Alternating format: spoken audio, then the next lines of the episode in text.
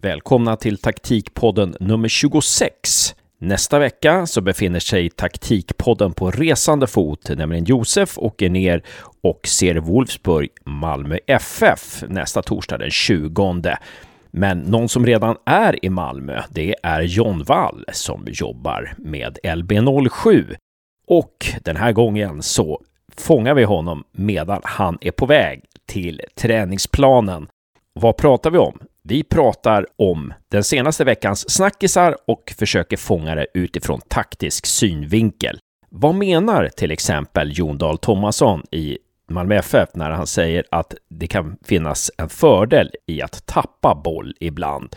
Och vilken hemligheten bakom Alexander Isaks plötsliga supergenombrott i Real Sociedad. John Wall har statistik som säger att Isak är unik på ett sätt. Robin Quaison gjorde nyligen hattrick för Mainz i den tyska ligan. John Wall har ju haft Robin Quaison när han var tränare för AIKs U19-lag och han pratar om John Wall, alltså om Robin Quaisons utveckling, vad det som fattades då och vad han har fått nu. Dessutom kommer vi in lite på Varberg som slog Malmö FF i en träningsmatch. Kan det vara så att Varberg överraskar igen i allsvenskan denna gång. Och vi pratar om ordet kontinuitet. Och John Wall menar att det finns två olika sätt att se på kontinuitet. Det kan vara något bra, men det kan också vara ett tecken på lathet. Sist men inte minst så pratar vi om Milan. Hur kommer det sig att Milan går så dåligt nu och John Wall menar att det sitter inte på planen utan det handlar om överbyggnaden i den föreningen. Nästa vecka så är många lag tillbaka från sina träningsläger och då kommer vi att göra minst tre intervjuer. En av dem får ni höra nästa fredag. Och ni vet väl vid det här laget att ni kan vinna en provprenumeration, en månads prenumeration på Lars Lagerbäcks, Hasse Backes och John Walls Game Inside Soccer. Veckans vinnare, eller snarare förra veckans vinnare, är redan kontaktad och ni som vill vinna, ni gör en sak direkt. Ni tar och retweetar vår tweet på Twitter från den 14 februari. Alla hjärtans dag när den här podden kommer ut. Då är ni med i utlottningen av en veckas gratis prenumeration på Game Insight Soccer. Och som vanligt, vi måste ju påminna om det som vi är så stolta över, vår vlogg på Youtube. Taktikpoddens kanal heter vi där och varje söndag kommer John Wall med en taktisk fundering. Så också den här söndagen. En av våra följare har kommit med ett önskemål om att John ska förklara 361.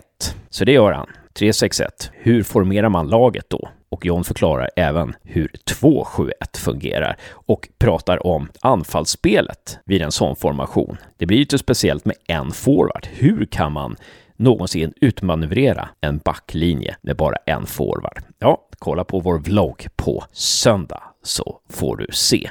Prenumerera gärna på Taktikpoddens kanal på Youtube så missar du inga vloggar. Hörni, det var allt vad jag, Hasse Carstensen, hade att säga. Nu kastar vi oss över veckans diskussion om den senaste veckans fotbollshändelser utifrån taktisk synvinkel med Josef, John och mig. Och eh, ni kommer märka att Johns ljud varierar lite då och då. och Det beror på att han tar sig från lägenheten i Malmö, in i hissen, in i bilen och in till träningsplanen medan vi poddar. Så vem har sagt att poddande är en stillasittande verksamhet? Nu kör vi!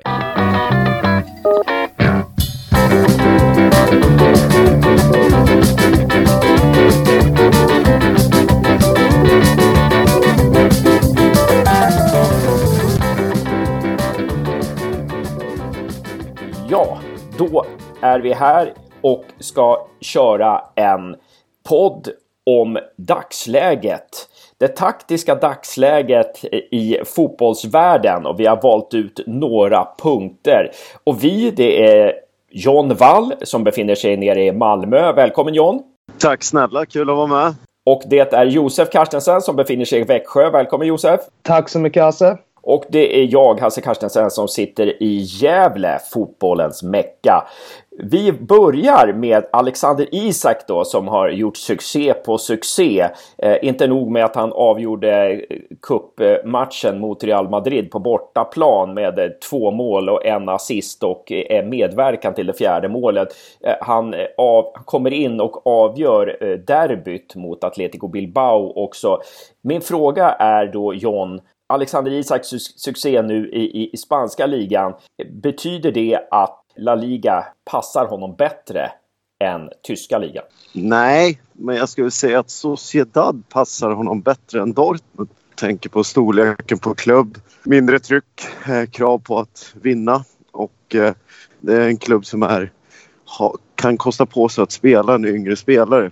Ödegård, eh, Oirzabal och så vidare och så vidare. Så att även om det just nu får man säga att möjligheten öppnar sig med tanke på skadan på eh, den ordinarie forwarden i Sociedad. Är det någonting i Real Sociedads sätt att spela, deras taktiska dispositioner som passar Isak bättre än Dortmunds sätt att spela fotboll? Nej, för urvalet av antalet matcher i Dortmund eh, var för lite för att man ska kunna raljera över det. Jag tror det också handlar om steget från en väldigt ung spelare i AIK direkt till Dortmund är ju väldigt få spelare som gör det. Det är bara att titta på Ödegård också. Som nu också har hittat rätt i Sociedad. Han är så pass ung eh, men har fler antal lånesessioner än vad Isak hade som hade William, William Tvej då. Det var där någonstans det vände för honom. Och nu ett realistiskt bra steg för honom i nästa skede. När ni ser Alexander Isak spela nu, tycker ni att han har utvecklat någonting i sitt spel som han inte hade förut? Jag eh, tänker främst på 2-1 målet då. Det känns som att han har blivit smartare. Självförtroendet gör ju mycket för en också. Alltså, man såg ju det när han var, när han var under isen i Dortmund så var allting under isen. Sen fick han ju gå där till holländska ligan. Sen när målen började ramla in där så slutade det aldrig riktigt heller. Man märker på Isak bara det här man såg i landslaget förra året och det man ser i Real Sociedad nu så ser man att han ta, vågar hålla i bollen den där extra sekunden. Han, han eh, vågar gå närmare sina motståndare och eh, han, han vågar gå in i de här svåra ytorna på ett helt annat sätt.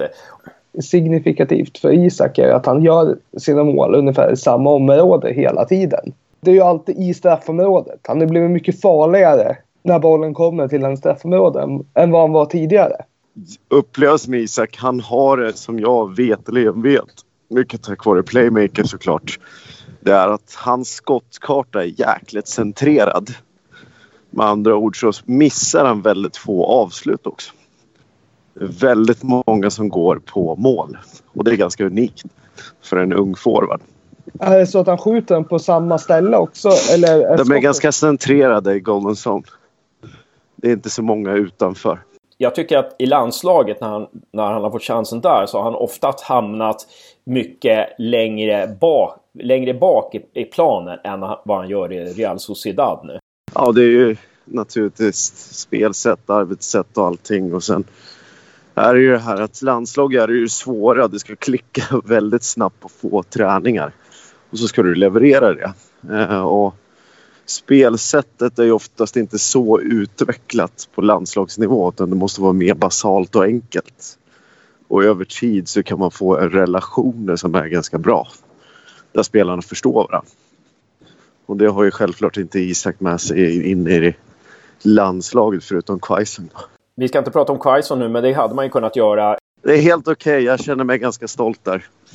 I och med att jag har haft spelaren i ett och ett halvt år så jag känner mig ganska nöjd. Just det, N- eh, när du jobbade i AIKs akademi så hade du hand om, eh, om Robin Quaison Ja, det är U19. i U19. Och va- va- vad säger du om hans eh, utveckling? Det är bra att den börjar infria sitt potential. Den här potentialen såg du redan då, eller? Ja, man vet aldrig med säkerhet. Det kan man aldrig göra. Men däremot så finns det förutsättningar. Och hur hjälper man till med de förutsättningarna? Och vad blir min roll i det här fallet som tränare för att hjälpa den personen att infria sin potential? Hur, hur bör man eh, hjälpa till med förutsättningarna som tränare. Jag tycker man i Sverige rent generellt är ganska lat med att coacha, hjälpa spelare och våga ta de tuffa konflikterna emellanåt med en spelare. Hur kan en sån konflikt se ut? Kan du ge något exempel? Nej, men det kan vara någonting i spelet som man ser är ganska uppenbart. att Tar inte den här spelaren ansvaret för det här, okej, okay, det funkar idag på den här nivån, den kontexten. Men sätter man det på Champions League-nivå som jämförelse så kommer det definitivt inte funka. Och uh, vågar vi ställa en sån kravställning? Det är ju frågan. Mm. Kan, kan, man ta något exempel på vad det är som inte funkar? Liksom, vad, som, man, som man inte i Sverige kanske vågar säga till eller vågar ställa krav på? Nej, men det kan vara rädslan av att absolut, på Robin kunde vinna enskilda matcher på den nivån. Eh, men bara att jobba i åt en riktning, alltså anfallsriktning. Men tog han ansvar defensivt? Nej, inte riktigt. Och hade han jobbat tillräckligt mycket med sin fysik? Nej, inte riktigt heller.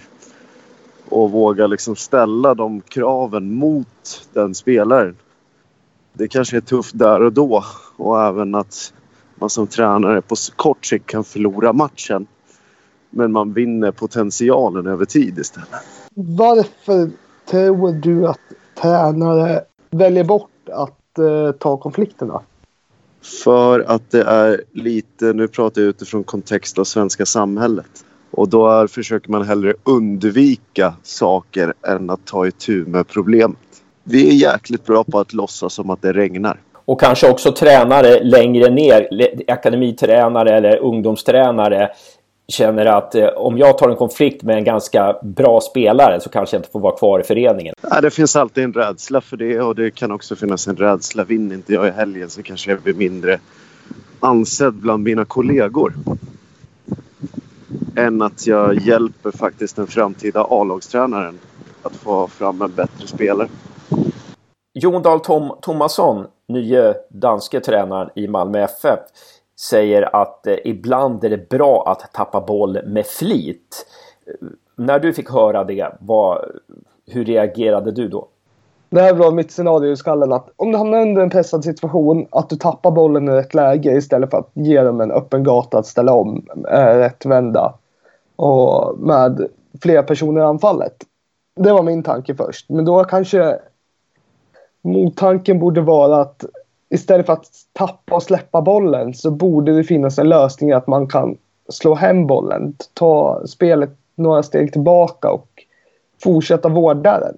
Det finns ju mer, större värde i att ha kvar bollen hos sig än att släppa den i rätt läge. Och antagligen så är det väl inför Wolfsburg-mötet eh, som det, det hela syftas på. Och liksom varför ska varför ska man ge Wolfsburg mer boll än vad de, än vad de redan kommer ha på eh, Volkswagen Arena? D dit du kommer att åka och eh, befinna dig fysiskt eh, närvarande som åskådare för övrigt. Alltså det här med när Tomasson säger det här att det är bra att tappa boll med flit. Mina tankar går till mina tankar går till David Sumter, fotbollens matematikanalytiker i Hammarby, som pratar om det här att man ska egentligen vara förberedd för eh, när motståndarna har bollen ska man redan, eh, eller innan man tappar boll så ska man redan vara beredd på vilket anfall, hur man ska anfalla nästa gång. Och det är lite så kanske som Tomasson tänker att ja, om vi tappar boll så vet vi redan hur vi ska återerövra den och då kanske vi kommer mer förberedda än vad motståndarna gör. Jag tänker på det du sa om att Malmö då vet hur man vinner tillbaka bollen när man väl tappar den. Men varför ska man lägga någonting i hos slumpen eller någonting du inte kan kontrollera? För har inte du bollen under kontroll, då kan inte du med full säkerhet veta att du kan vinna tillbaka bollen. Eh, jag förstår det helt där. Eh, den logiken verkar bra. Nu ska vi höra vad John Wall tycker om det här eh, Tomassons yttrande. Vår källa är egentligen en en text som är kanske reducerad på aftonbladet.se och det är liksom vår källa. Och sen så kanske det dras på stora trumman egentligen. Men om vi utgår från det vi vet, att det stämmer det han har sagt. så tycker jag att uttalandet blir ju liksom lite plagierat från eh, Jürgen Klopp som eh, vinner mycket just nu och naturligtvis blir liksom veckans t-shirt hos allt och alla. Och att eh, det är den man försöker efterlikna. Är det så att man gör det så tror jag att man är jäkligt snett ute. Och då tyder det på, jag tycker, en, en viss osäkerhet och en orutin från eh, den tränaren i fråga tycker jag. Att man säger någonting för att väcka uppmärksamhet istället för att vara seriös då, eller? Nej, det handlar inte om att vara seriös eller inte. Utan det är mer att det är svårt att plagiera för du blir ju aldrig bättre än originalet, eller hur? Och för varje kopierad strategi du gör så är det värd 0,9 procent som mest. Eller 90 procent av originalet. Och fortsätter du att kopiera från någon annans persons strategi så är det 0,9 gånger 0,9 så förstår ni i slutändan hur lite värt det kommer bli. Om det här stämmer att han har sagt så här så luktar det lite desperat försök att uh, vara Jürgen, Jürgen Klopp. Ja, det är väl mer snarare att det är lite nutidens tecken. Att man jagar alltid det som är framgångsrikt istället för att hitta sin egen, sina egna framgångsfaktorer. Mm. Och alltid anpassa sig mot alla de faktorer som är genuint viktiga. Vilken klubb man är i, vilket spelarmaterial, vilken historik och så liknande man har. Och det är först då, och då försöka möta det med sina egna övertygelser. Det är först då det kan bli riktigt bra. Man ska möta det med sina egna övertygelser. Man ska inte försöka efterlikna någon bara för att försöka efterlikna någon utan det måste bottna i en själv. Men vad är det i det här uttalandet tycker du som, som gör att, att det inte riktigt ja, att det påminner lite om plagiat. Vad är det som gör i det här uttalandet? Jo, Eh, att det påminner väldigt mycket om Jürgen Klopps tidigare uttalanden om sitt spel och sina övertygelser. Men att det som sker just nu i fotbollen är ju att det blir en polarisering av då du har i ena ringhörnan Barcelona och Pep Guardiola och Diego de Position. Och i den andra ringhörnan så har man Red Bull-koncernen tillsammans med Jürgen Klopp där man pratar om press och gegenpress och omställningsspel som är det mer viktiga eh, innehållet egentligen i sitt spelsätt. Malmö FF ska vara lite oroliga här om det är så att Tomasson är, liksom, är tillfälligt fascinerad av en slags fotboll och inte riktigt eh, har greppat alla principer så kan det bli lite fel där. Ja, det kan det bli och sen vill jag aldrig vara den som dömer någon utifrån en försäsong. Jag kan förstå intentionen av att matcha upp laget för att en match är så mycket mer väsentlig än en träning en träning kan aldrig kompensera fullt ut för en match. Och att man har också den unika positionen av att man spelar Euroleague-slutspel till skillnad från alla andra svenska klubbar. Eh, om vi kommer in eh, på en eh, till sak, det här med Varberg. Innan vi satte på inspelningen så sa jag det här med att Varberg var ju inte tippad i toppen i Superettan och så gick man upp i Allsvenskan. Man är tippad i botten i Allsvenskan. Eh, och genom kontinuitet kan man då göra så att det här året att man blir en succé i Allsvenskan just genom kontinuitet. Och då så sa du att ja, kontinuitet är bra när den är självvald. Vill du utveckla det lite? Men kontinuitet är självklart en faktor som att eh, du har en relation till de spelare du väljer. Men samtidigt så är det ju alltid att det finns alltid bättre spelare att välja. Men vi väljer ju ofta som de bästa spelarna vi vet. Jag räknar inte med att Varberg har ett speciellt stort scoutingnätverk och liknande utan man gör sitt bästa utifrån det man har. Och samtidigt så vill man ju säkert inte riskera klubben bara för att man går upp i allsvenskan. Jag tycker man väljer helt rätt men en självvald kontinuitet är bättre där man kan flytta kompetensen framåt, uppåt hela tiden än att man bara tvunget och lat väljer samma spelare som då givetvis bara blir äldre och även genom det således dyrare. Så att eh, en självvald kontinuitet är alltid bäst. Eh, och ibland kan kontinuitet bli ett, liksom ett honnörsord, ett, ett positivt ord som man använder i brist på annat. Då man i själva verket är lat egentligen. Ja, Just det. När man säger att vi gör, man orkar inte göra förändringar och då pratar, säger man kontinuitet istället. Vi får se vilken väg som Varberg har, vad som är valt, vad som är självvalt och vad som eh, har valts åt dem. Eh, vi, vi, får återkomma till Varberg när vi sett dem i fler matcher. Mm, eh, helt enkelt. Om vi slutligen ska komma in på Milan då som eh, detta mysterium som jag har kallat det eh, under ett tag här nu. Man ligger alltså tia i Serie A på, med minusmålskillnad. Visserligen har man häng på Europa, Europa League-platserna i serien. Men, men Eh, man eh, har tagit in Zlatan, man eh, leder med 2-0 i halvtid och förlorar mot Inter med 4-2. När vi har pratat förut så har du sagt att ja, det här med Milan, Milans nedgång, det, det har inte med taktik eller de spelarna man har så mycket just nu utan det handlar mer om överbyggnaden. Att man ser att överbyggnaden är, är ganska viktig. Vill du utveckla det? Nej, egentligen alla problem du har i en klubb och i synnerhet Milans problem har ju varit tidigare att äga strukturen. Dels så var väl inte den gode före detta premiärministern speciellt intresserad på slutet av Milan utan var mest intresserad av säljare.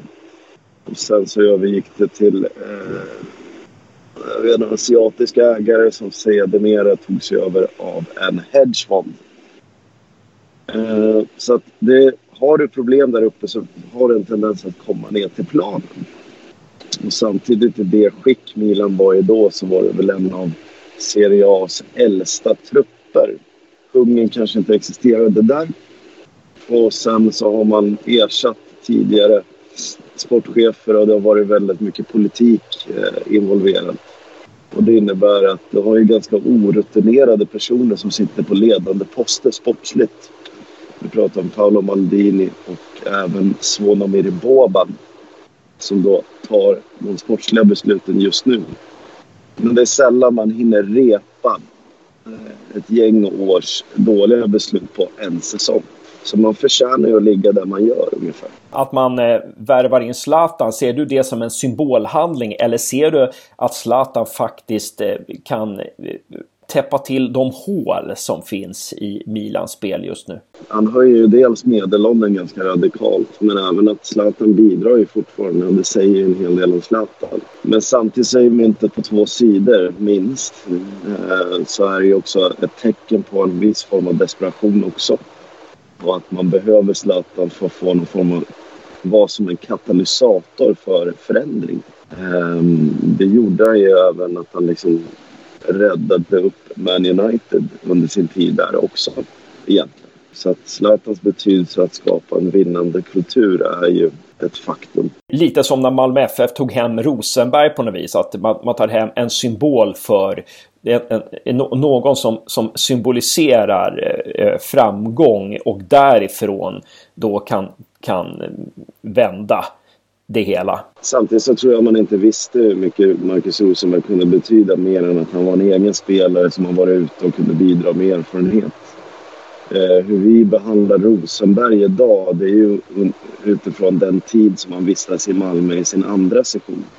Så att det där sitter ju vi med, er, med historien som ett bevis på det. Utan du kan inte veta det. Men däremot så blev det ju en extremt lyckad värvning och en, en sjujäkla symbol för MFF. Ja, men intressant. Då har vi tagit tempen lite på de senaste händelserna och försökt sätta dem i ett taktiskt sammanhang. Tack så mycket Josef för att du tog dig tid eh, denna februaridag. Tack själv Hasse. Alltid kul att podda med dig. Och tack så väldigt mycket John Wall för att du tog dig tid fast du nu är på väg till träning med ditt lag. Självklart. Vad gör man inte för fotbollens tjänst och i synnerhet taktikbomb. Välkomna tillbaka nästa vecka grabbar och John, du ses redan på söndag i en ny V-logg.